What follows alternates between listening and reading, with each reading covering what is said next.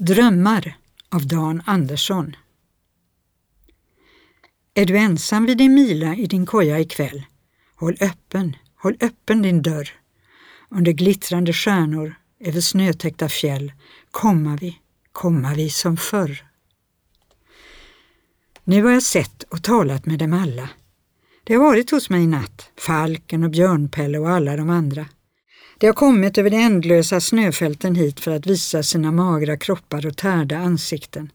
De har gått lätt och varligt över drivorna och inga spår syntes efter dem. Jag har hälsat dem välkomna, en efter en. Hur min trånga koja skulle rymma dem visste jag ej och vid min eld ville de alla sitta. Därför gjorde jag en brasa på den öppna planen framför kojan och de satte sig ner där och värmde sina frusna händer. Allt flera kommo de. Deras namn vet jag ej och icke heller tänkte jag på att deras ben sedan flera år tillbaka multnade i lerjorden vid Grangärde kyrka. Falken talade med hes och skrällig röst och sträckte sina beniga fingrar ända in i elden och i skenet från torvedslågorna blänkte hans insjunkna ögon som glas. Det är kallt i natt, sa han, och skönt att sitta vid din eld. Men inte så kallt ändå som när jag kolade min sista mila här för 50 år sedan. Det var nätter det. Oj, oj, oj. Svarthavrebröd och salt hade jag att äta. Det var tider det. Fem milor att se efter. Det arbete det. Barn och hustru hade jag. De bodde här på andra sidan bäcken.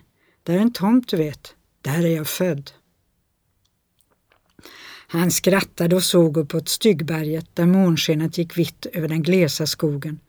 Bakom syntes himlen svart med guldglänsande stjärnor. Jag har varit borta härifrån länge nu. Det var på 42 jag kom hit. Då fanns det både björn och varg i skogarna, men jag svalt som en hund.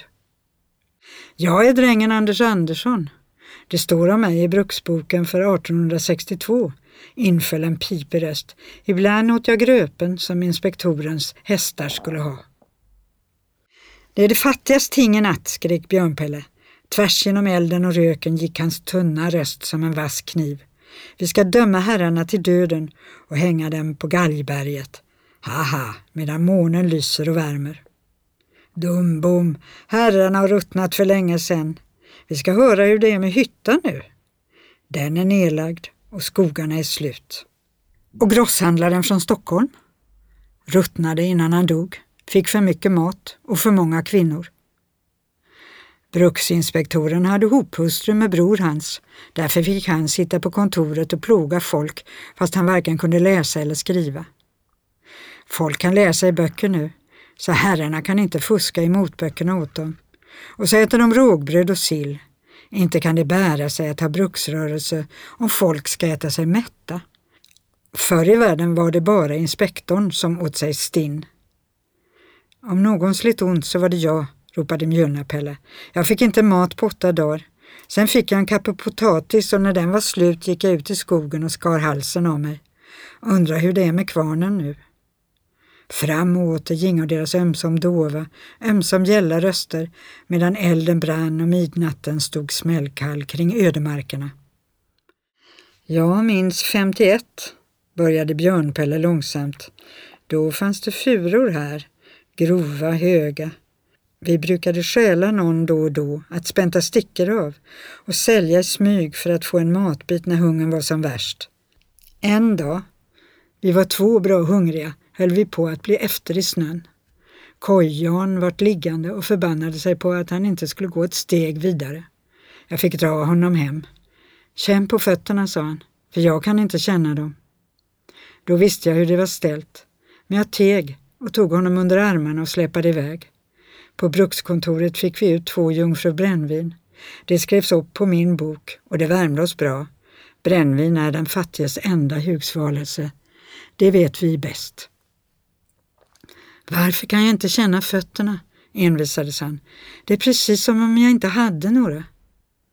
Och när vi kom hem och jag släppte in Jan och när jag såg barnskaran, svarta, lortiga ungar som krälade på golvet, då kunde jag inte låta bli att gråta. Men då begrep Jan hur det var fatt och då sa han så här. Det går väl lika bra för dem som för mig. De kan aldrig bli fattigare än far deras har varit. En gammal, mycket gammal man reste sig upp vid min sida. Hans hår var vitt som krita och rösten skakade. Det var jag det, men jag stal inte av skogen för ros skull må ni tro, för det var det året jag brände kolhoparna och hemma hade de inte en bit barkbröd en gång. En gång somnade jag, skrek en vass röst längst bort mot kojdörren. Jag somnade med havremjölsäcken under huvudet i min koja. Då hade jag inte ätit på så länge att när jag kom hem med mjölet skulle jag vila mig ett tag innan jag åt, men jag vaknade inte mer och jag har inte varit hungrig sedan dess. Han tassade bort över snön och det följde honom den ena efter den andra. Jag såg dem till sist som små svarta punkter ute på det månskensvita snöfältet och till sist såg jag dem mycket mer. Jag var åter ensam med elden. Som en yrvaken ligger jag och drömmer och stirrar upp mot takkluvorna i kojan. Till sist märker jag att min eld är slut och att kölden smugit sig in. Jag reser mig upp i sittande ställning och känner kylan kittla mig under armarna. Mera ved, mera ljus. Medan klockan går på två hugger jag mig varm och bär in kärveden. Hej, det flammar lustigt. Dörren står delvis öppen och jag hör tassande steg utanför. Det är Rohanda som går här och fnaskar. Eller också är det flera döda som kommer. Men det är nog skogsfrun. Nu rycker hon undan dörren helt och hållet och kastar upp ett vedträ i luften. Med ett dumpande ljud faller det ner mitt på planen framför kojan. Således fel med milon. Jag står på knä och tittar ut, ty jag vill gärna se trollen som störar min nattro. Men nej, den är död och frusen och ödsligt tom på levande väsen. Och ändå, jag går till min mila, för sånt här kan man aldrig veta. Dagbräckning har det blivit och över de isvita skogarna i öster brinner gulröd eld med blodigt varma toppflammor. Morgonväktens köldtimme är i antågande och kärrets frusna alar stå så stilla som hade de av evighet varit gjutna av sten. På troll och andar tror jag inte, det hör natten och icke morgonen till.